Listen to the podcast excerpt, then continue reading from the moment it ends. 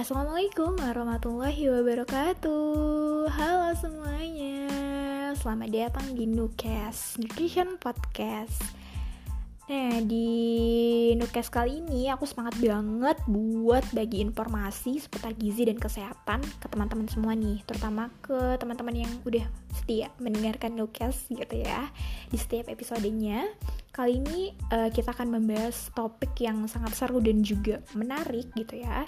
Yang akan kita bahas adalah minuman yang bisa meningkatkan metabolisme. Kira-kira apa ya? Coba deh teman-teman tebak dulu, apakah minuman yang sering kita jumpai atau yang jarang atau bahkan yang sama sekali uh, belum teman-teman ketahui nih.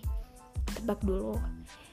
Coba ditebak dulu dan aku sekarang mau kasih tahu nih buat teman-teman minuman yang bisa meningkatkan metabolisme itu yang pertama yaitu kopi.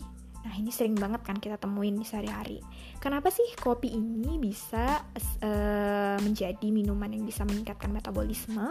Karena pada kopi terdapat kandungan kafein. Nah, kafein ini yang akan membantu dalam uh, proses oksidasi asam lemak.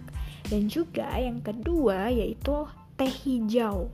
Nah, apalagi teh hijau kan pasti udah pada tahu semua nih kalau teh hijau itu uh, pada teh hijau ada kandungan yang namanya polifenol. Nah, si polifenol ini yang akan meningkatkan metabolisme lemak.